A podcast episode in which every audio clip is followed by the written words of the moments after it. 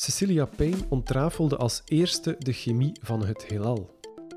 In haar voetsporen bestudeert Connie Aerts aan de KU Leuven de inwendige fysica en evolutie van sterren. In deze podcast praat ik met Connie over Cecilia, maar ook over andere wetenschapsheldinnen uit de sterrenkunde. Dag Connie. Dag Kim. Je bent astrofysicus. Je bestudeert onder andere de evolutie van sterren door middel van uh, gecombineerde astroseismologie. Wat is astroseismologie? Ja, dat is eigenlijk een moeilijk woord uh, dat uh, het analoog is van sterbevingen. Dus wat wij doen, is de bevingen van sterren bestuderen om daaruit iets te leren over wat er binnenin de ster allemaal gebeurt. En dat is heel analoog aan wat seismologen van de aarde doen. Zij gebruiken aardbevingen om te weten te komen wat er in onze planeet zoal leeft. Dus die methodes zijn heel gelijkaardig tussen de geofysica en de astrofysica wat dat betreft. Je zegt onderzoeken dat er iets in die sterren gebeurt. Wat, wat kan ik bij die iets voorstellen? Ja, een ster is dus een hete gasbol. Hè. Dat is dus verschillend van uh, planeten zoals de aarde, waar vaste stoffen uh, vooral actief zijn. In een ster is het een gasbol en daar zitten allerlei uh, stoffen in en die bewegen door elkaar. En daar gebeuren ook een hele hoop fysische processen. Maar het is voor ons niet mogelijk om dat rechtstreeks waar te nemen, want we kijken alleen naar de buitenkant van de ster. En dus vandaar dat sterbevingen eigenlijk een heel nieuwe methode zijn om toch te weten te komen wat er binnenin gebeurt. En waarom is het belangrijk om te weten wat er binnenin die sterren gebeurt? Wel, dat is omdat het leven van een ster en bij implicatie ook van de planeten die er mogelijk ronddraaien, dat leven van een ster wordt volledig bepaald door de interne fysische processen. Het is daar dat ze energie opwekt, het is daar dat haar leven eigenlijk uh, gedirigeerd wordt, opgesteld wordt. En dus moeten we dat vooral kunnen achterhalen, want wat er aan de buitenkant gebeurt, dat is wel mooi spectaculair voor ons als waarnemers, maar dat bepaalt niet hoe het leven gaat, gaat verder evolueren. En dus daarom willen we zo graag helemaal tot het binnenste, diepste, heetste gebied van de ster kunnen doordringen. Op welke van je eigen wetenschappelijke prestaties of inzichten ben je het meest trots? Oh, dat is een vraag waar ik eigenlijk twee antwoorden op zou willen geven. Ik ben het meest trots op mijn doctorandi en mijn postdoctorale onderzoekers die mijn team uh, werken of gewerkt hebben en die heel erg mooie dingen ontdekt hebben. Dus dat is eigenlijk meer het menselijke aspect van het antwoord. Hè.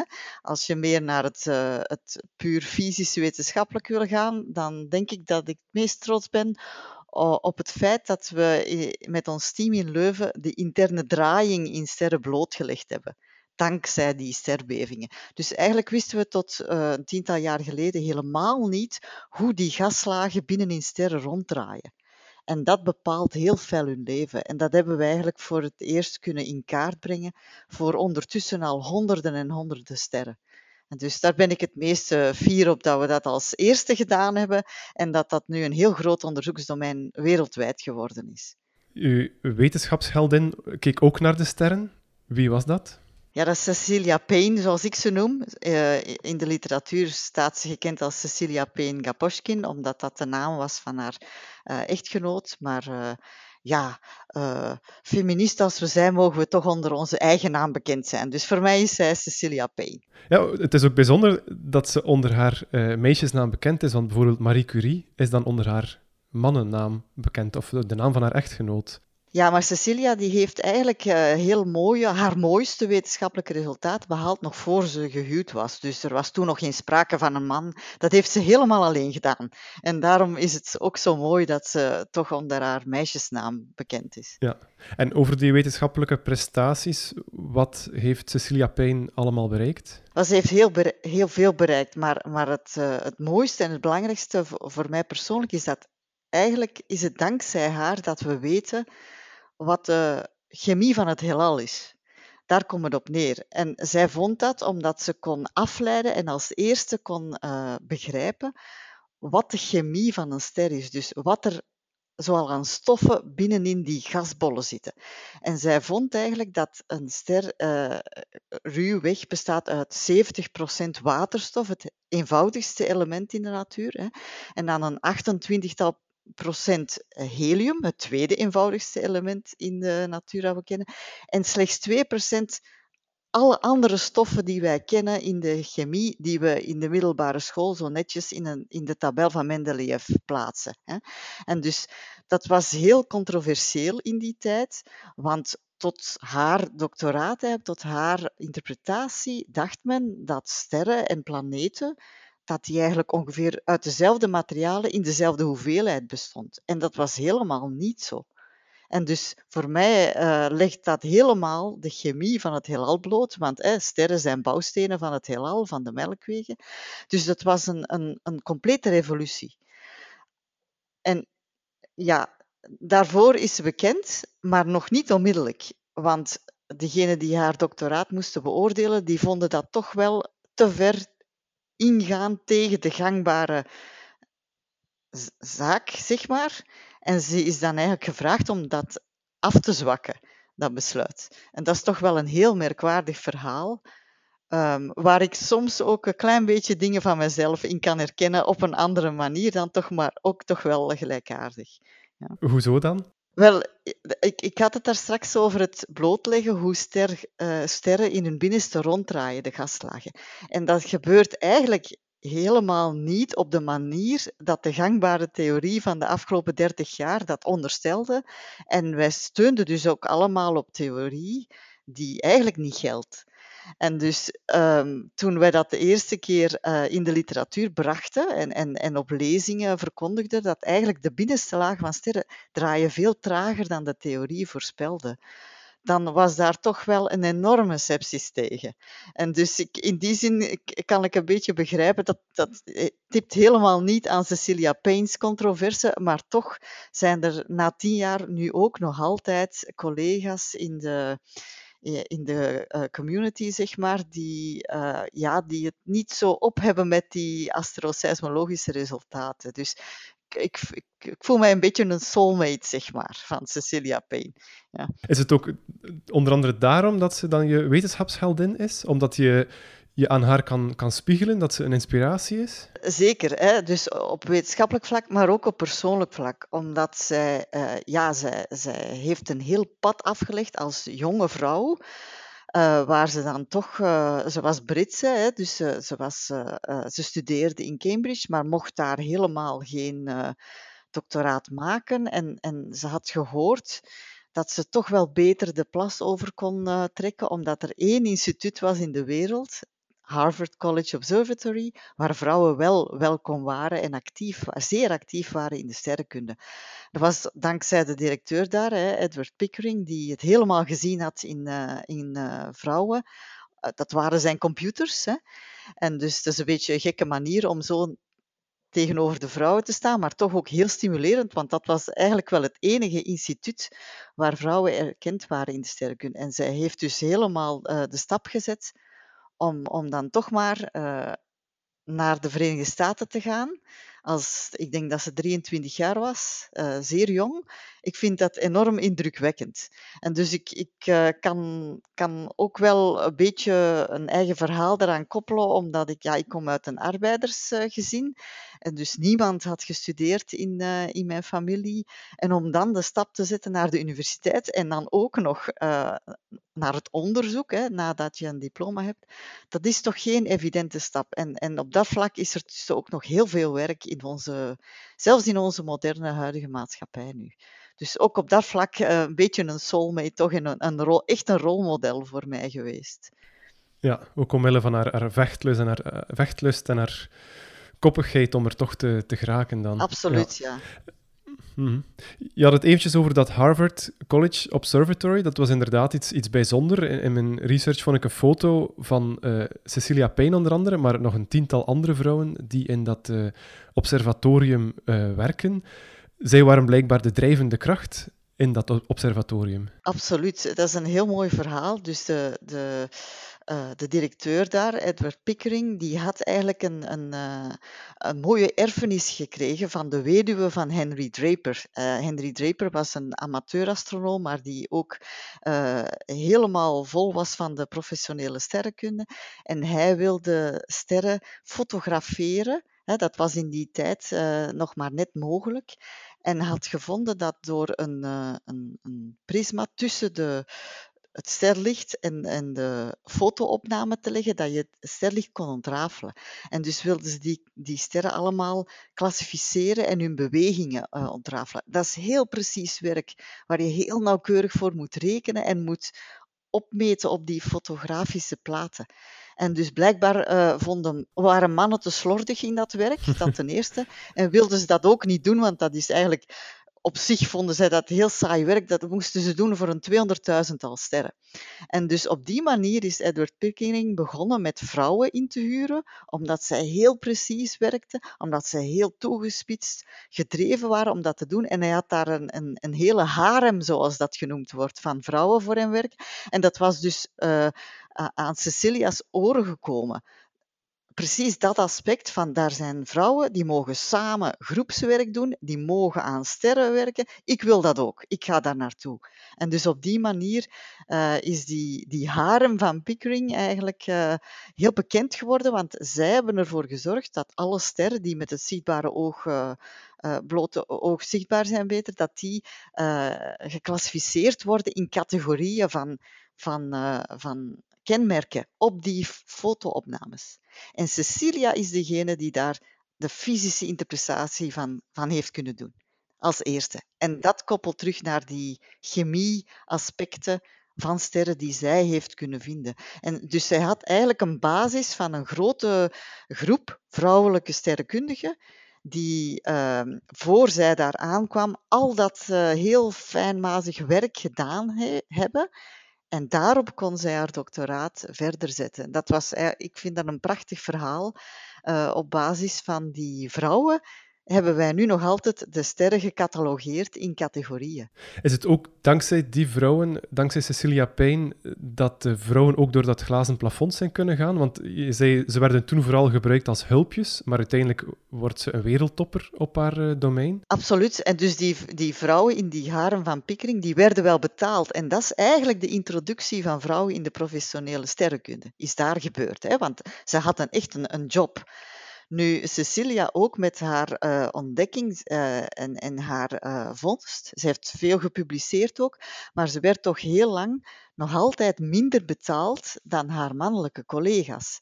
En dus in die zin is, heeft zij een heel belangrijke schakel gespeeld tussen een, eh, een goedkope uh, vrouwelijke computer hebben die het werk uh, voor u doet en dan effectief de, de volle erkenning van een astronoom zoals de mannen dat al, al hadden. Dus in die zin was dat echt wel een, een, een pioniersvrouw op heel vele vlakken. Nu we het hebben over vrouwen in de wetenschap, het is sinds sindsdien is er heel wat veranderd. Maar bijvoorbeeld, uh, je won de eh, FWO Excellentieprijs in 2020 in de exacte wetenschappen. Dat is een prijs die sinds 1960 wordt uitgereikt, uh, elke vijf jaar. Maar je was toch de allereerste vrouw die hem kreeg. Is dat ook niet absurd? Wel, absurd, dus schandalig zou ik bijna durven zeggen. Ja? Uh, ik ben natuurlijk uh, bijzonder verheugd dat ik die prijs uh, gekregen heb, laat dat duidelijk zijn. Hè. Maar het uh, stemt toch wel tot nadenken dat, dat ik daar de eerste in die categorie ben. Hè. In, in, er zijn vijf categorieën, in, in sommige van de andere hebben ook al wel één vrouw het gekregen, maar het zijn heel kleine aantallen. En dat hoeft niet, hè, want ja, er zijn zoveel heel competente vrouwelijke wetenschappers die die prijs ook zouden verdienen. En dus ik vind dat een heel belangrijk aandachtspunt, uh, vooral naar de organisaties die die prijzen uitreiken. Het is gekend en dat is ook zo voor uh, Nobelprijzen en, en andere hoogstaande prijzen internationaal dan, dat vrouwen daar veel minder voor voorgedragen worden dan mannen. Want je, je wordt voorgedragen voor zulke prijzen. Dat ga je niet zelf op appliceren. Dat, dat is eigenlijk, uh, zo gebeurt dat niet. dus, dus die voordrachten, ja, blijkbaar zijn het daar zelden vrouwen die voorgedragen worden. En, en dat is dus eigenlijk het probleem. Helemaal niet de kwaliteit van de wetenschapper die daarachter steekt. Zijn het dan de mannen die elkaar voordragen? Of hoe komt het dan dat er minder vrouwen worden voorgedragen? Ja, het is een aandachtspunt. En, en uh, ja, wat, wat ik zou doen, hè, ik heb die tip al een paar keer gegeven aan die organisaties, maar ze, ze vinden dat geen leuke tip, maar ik zal hem misschien toch maar meegeven, is uh, ik zou zo voordrachten altijd in duo laten doen. Dat is, uh, als je iemand voordraagt en dat is een man, dan moet je tegelijk ook iemand voordragen die een vrouw is. In, en op die manier zou dat, zou dat automatisch opgelost worden. En dus ik heb zo mijn lijstje vrouwen die ik, ja, die ik uh, spontaan zou kunnen voordragen in elk van die categorieën. Hè. Dat blijf ik ook doen hoor, uh, in mijn geval, omdat ik daar gevoelig aan ben. Hè. Dus er zijn, er, zijn, er zijn een aantal heel competente vrouwen die in, in, in Vlaanderen eigenlijk al twee heel prestigieuze beurzen van de European Research Council hebben gekregen. Dat is zowat de Champions League van, de wetenschap, van het fundamenteel onderzoek. Ja? En, en, en, en als je daar één keer uh, een grant van krijgt, dat is heel knap. Maar als je er twee van krijgt, dat is nog veel knapper. En zo zijn er dus wel een heel aantal vrouwelijke wetenschappers in Vlaanderen die, die uh, die dat, daarin gelukt zijn. Dus dat zijn sowieso al grote kanshebbers voor mij. Hè. Um, en die zitten vooral in de exacte wetenschappen binnen mijn horizon. Hè. Dus ik kan er zo een paar opnoemen. Uh, bijvoorbeeld uh, Veronique van Spijbroek is zo iemand die in de molecuulfysica aan de UGent actief is. Um, Ingrid van Keilegom, die heeft dat bereikt in de statistiek in Leuven. Um, wie nog? Anna Sablina, kankerbiologie aan het VIB. Lies Geris, biomechanica, en, enzovoort. Er zijn er een heleboel. Ik kan ze hier niet allemaal opnoemen, dus ik wil zeker geen eh, geen um, exhaustieve lijst voorleggen. Maar dat zijn allemaal heel competente vrouwen in de exacte wetenschappen die absoluut zulke prijs zouden verdienen. En ik ga erop letten dat ik ze kan voordragen, maar je kan er ook maar één voordragen. Dus op die manier uh, ja, moet je dan toch ook mannen hebben die mee voordragen en niet alleen mannelijke onderzoekers voordragen. Dus dat, dat is een hele gebeuren altijd. Ik vind dat wel belangrijk. Al de namen die ik nu heb opgenoemd zijn allemaal uh, jongere vrouwen dan mijzelf. En ook dat aspect vind ik heel belangrijk. Dat het naar jonge meisjes toe heel duidelijk wordt dat uh, wetenschappers in Vlaanderen uh, vrouw kunnen zijn, jong kunnen zijn, gezinnen kunnen hebben. Nog een mooi voorbeeld is Annemie Bogaert bijvoorbeeld, dat is plasmachemie van de Universiteit Antwerpen. Uh, carrière combineren met gezinsleven en met kinderen, dat zijn wel belangrijke boodschappen naar jonge meisjes toe. En die zijn nu eenmaal belangrijker te geven door vrouwen aan meisjes. Tenminste, dat maakt denk ik een, uh, meer, dat geeft meer impact dan wanneer mannelijke collega's het daarover hebben. Dus stereotypen doorbreken is heel belangrijk eigenlijk. Ja. Ja, ja. ja. Maar, maar, dan is het misschien een idee voor uh, als er mensen luisteren die kunnen uh, mensen voordragen voor die uh, Vlaamse Nobelprijzen, voor die excellentieprijzen, dat ze toch een van die namen misschien, dat dat een inspiratie kan zijn om een van die vrouwen voor te dragen? Ja, Natuurlijk, er zijn er nog vele anderen. Hè. Ik zeg, ik heb er maar een paar opgenoemd die al, die al eigenlijk spontaan op mijn lijst staan, zeg maar. Omdat ik nu eenmaal heel vertrouwd ben met die European Research Council. En dat is zo'n beetje de database die ik zelf heb. Er zijn ook nog heel mooie andere prestaties die, uh, die, die ook maken dat... Uh, dat uh, vrouwen dat verdienen, misschien in onderwerpen die, waar men minder aan denkt. Hè. Denk aan, heilige architectuur. Ik kan, zie je, ik, je, je, moet me doen stoppen, want anders heb ik uh, lange lijsten namen en het heeft niet veel zin in een podcast. Maar ik wil maar zeggen, het is zeker een taak voor mannelijke onderzoekers om niet alleen aan mannen te denken. En daar moet je daar moet je ze echt op attent maken, want spontaan gaan ze daar meestal niet aan denken.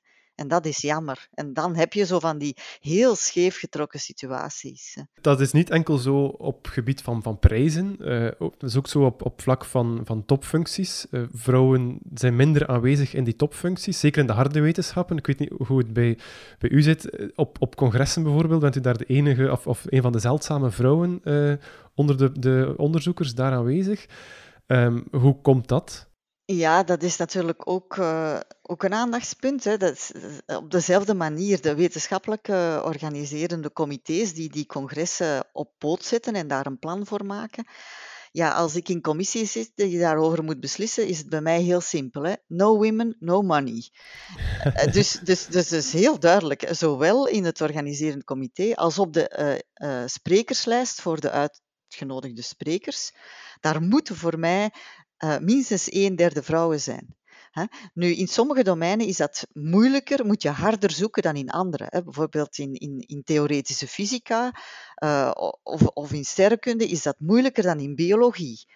waar, waar de evenwichten spontaner, uh, uh, gemakkelijker te respecteren zijn. Maar je moet daar dus op letten. Dus in eender welke commissie, en ik zit echt nog vaak in commissies als enige vrouw, dat is zeer vervelend, want dan moet ik mij opstellen op een veel agressievere manier dan, dan wat ik van nature zou willen doen. Dat is dus ook heel vermoeiend. maar als je dat niet doet, ja, dan word je gewoon niet gehoord. Hè. Dus er zijn heel veel internationale studies die aantonen dat er minstens een derde van een uh, bepaalde minoriteitsgroep aanwezig moet zijn om, om een, een terdege uh, vergadering te kunnen hebben. En dus heel veel besturen van departementen, van faculteiten, enzovoort aan universiteiten, die zitten daar lang niet aan. En dat is jammer. Dus uh, ja, moest het aan mij liggen, dan zou ik die een derde regel gewoon verplichten. In de politiek is dat. Niemand stelt zich daar nog vragen bij. Hè? In raden van bestuur van bedrijven Hetzelfde liedje. Hè?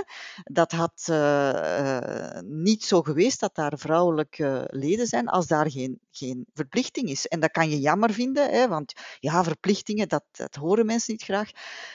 Ik, ik zou dat ook gezegd hebben twintig jaar geleden, maar uh, ik word er zo moe van en na dertig jaar strijd voor een beetje genderbalans heb ik geen scrupules om toch die representatie met weliswaar zachte, maar toch dwang af te dwingen, zodanig dat dat in orde is. Dat is echt een heel groot verschil als je in die hogere bestuursfuncties moet werken, om dat aangenamer te maken. Je wil daar gewoon niet als excuustruus zitten. En dat ben je automatisch als je de enige bent. Dat is heel ongemakkelijk eigenlijk. -hmm.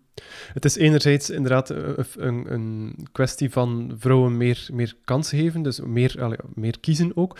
Maar je zei ook, bijvoorbeeld voor astronomie is het ook moeilijker om vrouwen te vinden. Eh, zijn er dan minder meisjes die ook bijvoorbeeld voor astronomie kiezen?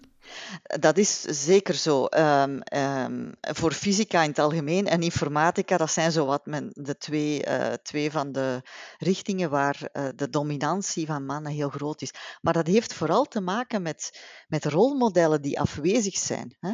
Met met het niet zien van voorbeelden. Ik herinner mij, ik ben uh, in, in uh, 2001 naar Utrecht gehaald om daar het basisvak sterrenkunde te geven. Daar is de sterrenkunde veel groter uitgebreid dan in Vlaanderen.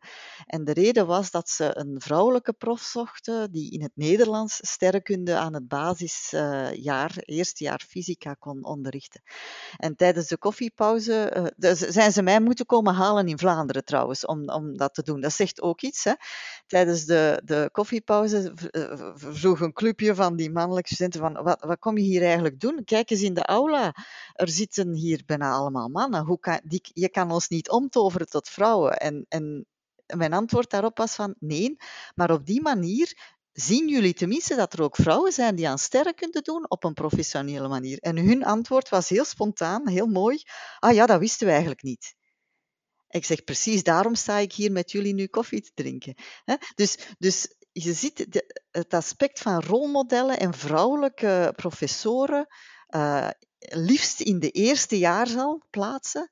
En ook in de middelbare scholen, want ik ga daarom naar klassen, ook om getuigenissen te brengen, is heel, heel belangrijk om de meisjes te doen inzien, oh ja, dat kan misschien wel leuk zijn. En je kan er ook een beroep van maken dat ook nog eens leuk is. En vooral waar je in groep kan werken, want dat is heel belangrijk, zowel voor mij als voor jonge meisjes. Dan wil ik nog even terug naar Cecilia Payne ook. Uh, zij verdient het eigenlijk om een rolmodel te zijn. In haar tijd uh, werd ze niet helemaal uh, aanvaard, ook omwille van, van het feit dat ze vrouw was. Heeft ze intussen al voldoende eerherstel gekregen, of, of kan dat toch nog wat beter? Ze heeft zeker eerherstel gekregen, maar ze heeft er 50 jaar op moeten wachten. Dat, is ook, dat, is, dat willen we niet in deze moderne tijden. Hè?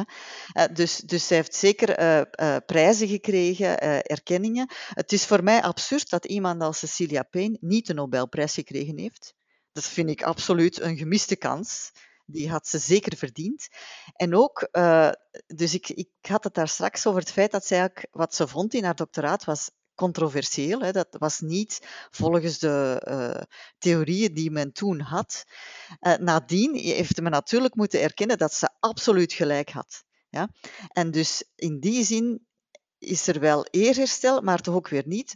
Want de mannen die dat dan hebben toegegeven, die haar eerst gezegd hadden, zwak jouw uh, casus maar af, want we, we, dat is toch een beetje te, te veel tegen de gang van zaken. Ja. Diezelfde uh, mannelijke onderzoekers, die hebben dan nadien in publicaties geschreven hoe het wel was. En die publicaties staan dan op hun naam, niet op die van Cecilia. Ze hadden ook wel best kunnen haar co-auteur maken. Hè? Ik bedoel, ik vind dat een absurde situatie. Dus ja, ze is in ere hersteld. Ja, ze heeft de uh, meest prestigieuze uh, prize lectures gekregen. Maar het had toch wel beter gekund. Ze was eigenlijk niet alleen wat ja, genegeerd of tegengewerkt omdat ze vrouw was. Ze was waarschijnlijk ook gewoon voor op haar tijd wat, wat inzicht betreft. Absoluut, zij, zij was te slim voor haar tijd. En, en, en, en dat is ook hoe je dat achteraf bekijkt, als je dan die eerherstel uh, bekijkt, dan is dat echt van toegegeven, ja, zij had het gewoon door en wij niet. Dat, dat druipt er vanaf eigenlijk uh, in dit verhaal. En, en dus ja, dat is, dat is iets wat niet zo evident is en waar je echt gefrustreerd van kan zijn. Hè. Ik ja, koppel een beetje terug weer aan die rotatie die we dan gevonden hebben. En dat is vooral een verdienste van mijn doctorandi. Hè, want ik, ik vind eigenlijk, ja, uh, als je een prijs krijgt zoals de FVO-prijs, ik vind dat een prijs van, van een groep mensen. Ze geven die natuurlijk aan één persoon. Maar dat groeps, die groepsdynamiek is voor mij heel belangrijk. Die was voor haar uh, voor Cecilia ook heel, heel erg belangrijk. En daar heeft zij zich toch ook voor ingespannen nadien. Hè. Eens ze dan professor mocht worden, eens ze dan ja, mocht verdienen wat haar mannelijke collega's uh, verdienden voor hetzelfde werk, dan heeft zij zich ook wel blijven inspannen voor minoriteitsgroepen om die te helpen. En dus in die zin vind ik dat toch ook wel een heel belangrijk rolmodel. U vergelijkt inderdaad ook, ook jullie onderzoek met dat van Cecilia Payne, omdat jullie ook misschien wat voorzetten op de inzichten van vandaag dan. Uh, is dat een grote ambitie voor de komende jaren om jullie gelijk te halen, om het zo te zeggen? Uh, eh, eh, gelijk halen, dat klinkt, dat klinkt een beetje arrogant of negatief. Uh, maar, maar ik snap wel wat je bedoelt. Het is ook zo, als je komt met uh, bevindingen, omdat wij een nieuwe methode nu kunnen gebruiken. Hè. We kunnen nu binnenin een ster kijken. Ik noem dat zo de renaissance van de sterrevolutietheorie, want we, we gaan eigenlijk uh, een heel nieuwe methodiek hebben we nu, met nieuwe waarnemingen dankzij ruimtemissies. Het is dan normaal dat je nieuwe dingen vindt, want je kijkt op een manier dat je nog nooit hebt kunnen kijken. Hè. Dus, dus als je al die attitude hebt van we gaan nieuwe dingen vinden, en dat betekent bij implicatie dat we dingen gaan vinden die tegen de gang van zaken ingaan. Ja, dat heeft typisch uh, in fundamenteel onderzoek, want wij zijn lange termijndenkers, dat heeft wat decennia nodig om te laten bezinken. dus in die, zin, in die zin vind ik het prima. Hè. De eerste uh, uh, interne draaiing van een, van een ster die wij gevonden hebben, dat was in 2003. Hè. We zijn nu bijna twintig jaar later. En het pad is eigenlijk de ganse tijd uh, uh, opgebouwd naar onomstotelijk bewijs dat het nu eenmaal zo is. Sterren aan hun kern draaien trager dan wat de theorie voorspelt. Ja, dan moeten we, dan moeten we dat herstellen. En, en dus dat komt wel. Ik, ik vind het oké dat de gemeenschap waarin wij uh, discussiëren en, en, uh, en heel constructief uh, tegengestelde opinies hebben. Dat is heel belangrijk, in, vooral in fundamenteel onderzoek ook. Ik vind het oké dat zij twintig jaar nodig hebben om dat in te zien.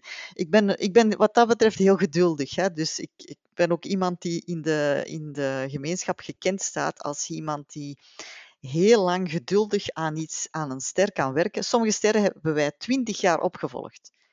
Ja, dat wil je natuurlijk niet aan een doctoraatstudent laten doen, want die persoon kan dat niet. Hè. Een doctoraat moet in vier jaar klaar zijn en dat moet snel gaan. En dat is dus een van de aspecten die je dan als, als uh, programmaleider zeg maar, in het oog moet houden. Dat je die, moet, uh, die hun vraagstukken zeg maar, opbreekt in slimme, uh, kortere termijn vraagstukken, maar je bouwt wel steeds voort, zodanig dat je een stevig gebouw hebt na tien jaar en dan zegt van, en nu zijn we zeker, en ehm, take it or leave it. Ik zeg altijd, de sterren doen wat ze doen, whether you like it or not. Hè, of je het nu leuk vindt of niet. Zij hebben gelijk en de theorie is fout als die niet klopt. En als die niet voorspelt wat de sterren doen. Dus eh, wat dat betreft ben ik ook een heel datagedreven onderzoekster. Ik doe fundamenteel onderzoek, maar ik vertrek van wat de sterren mij geven aan informatie. En dat vind ik, dat vind ik magnifiek leuk. Oké, dan wens ik jullie heel veel succes bij het verdere onderzoek. Heb je misschien nog een slotboodschap voor misschien meisjes die aan het luisteren zijn, waarom zij voor de astronomie, voor de astrofysica moeten kiezen en dan misschien over uh, zoveel x aantal jaar uh, in je team terecht zullen komen? Wel, mijn boodschap aan jongeren, hè, of het nu meisjes of jongens zijn, maar uh, aan jongeren in het algemeen is: doe wat je het leukste, maar vooral boeiendste vindt. Het moet interessant zijn, want dan ben je gemotiveerd en dan kan je pas wetenschapper worden in hart en nieren. Je moet gewoon doen wat, wat je interesse is en wat je aan kan natuurlijk. En naar de meisjes toe dan in het heel bijzonder. Het is niet zo dat astrofysica saai is, dat je dat alleen doet in je bureeltje. Nee, dat doe je als groep. En de groepsdynamiek, dagdagelijks samenwerken aan moeilijke problemen, dat is gewoon ontzettend leuk. En uh, ik zeg altijd, kom maar af, hè, dan zul je het wel ondervinden. Hè. Dus uh, je kan op heel veel dingen werken uh, en toepassingen maken in de, in de wetenschap. Hè. Ik heb ervoor gekozen om dat op de leukste objecten van het hele universum te doen, dat zijn de sterren. Hè. En anderen doen dat op plantjes of op dieren of op, uh, of op mensen. Maar um, het is ook wel heel leuk om, om het boeiende van het heelal, om dat als studieobject na te streven. En dat, dat mag je absoluut doen volgens de interesse. En dan moeten die jonge meisjes vooral niet luisteren naar uh, hun ouders als die ouders zeggen, wat kunt je daar nu toch mee gaan doen? Ja, onze studenten zijn, uh, die hebben een job voordat ze een diploma hebben. Er zijn er gewoon veel te weinig. Dus kom maar af, zou ik zeggen. Oké, dat is een, een mooie oproep om mee af te ronden. Ik wil je bedanken voor het heel boeiende gesprek. Heel graag gedaan. Jullie luisteraars uh, thuis wil ik ook bedanken voor het luisteren. Vond je deze podcast interessant? Deel hem dan zeker met uh, vrienden en familie. Of luister misschien ook naar een van de andere afleveringen over wetenschapsheldinnen. Je blijft op de hoogte van toekomstige afleveringen via onze website www.eoswetenschap.eu. Tot een volgende keer.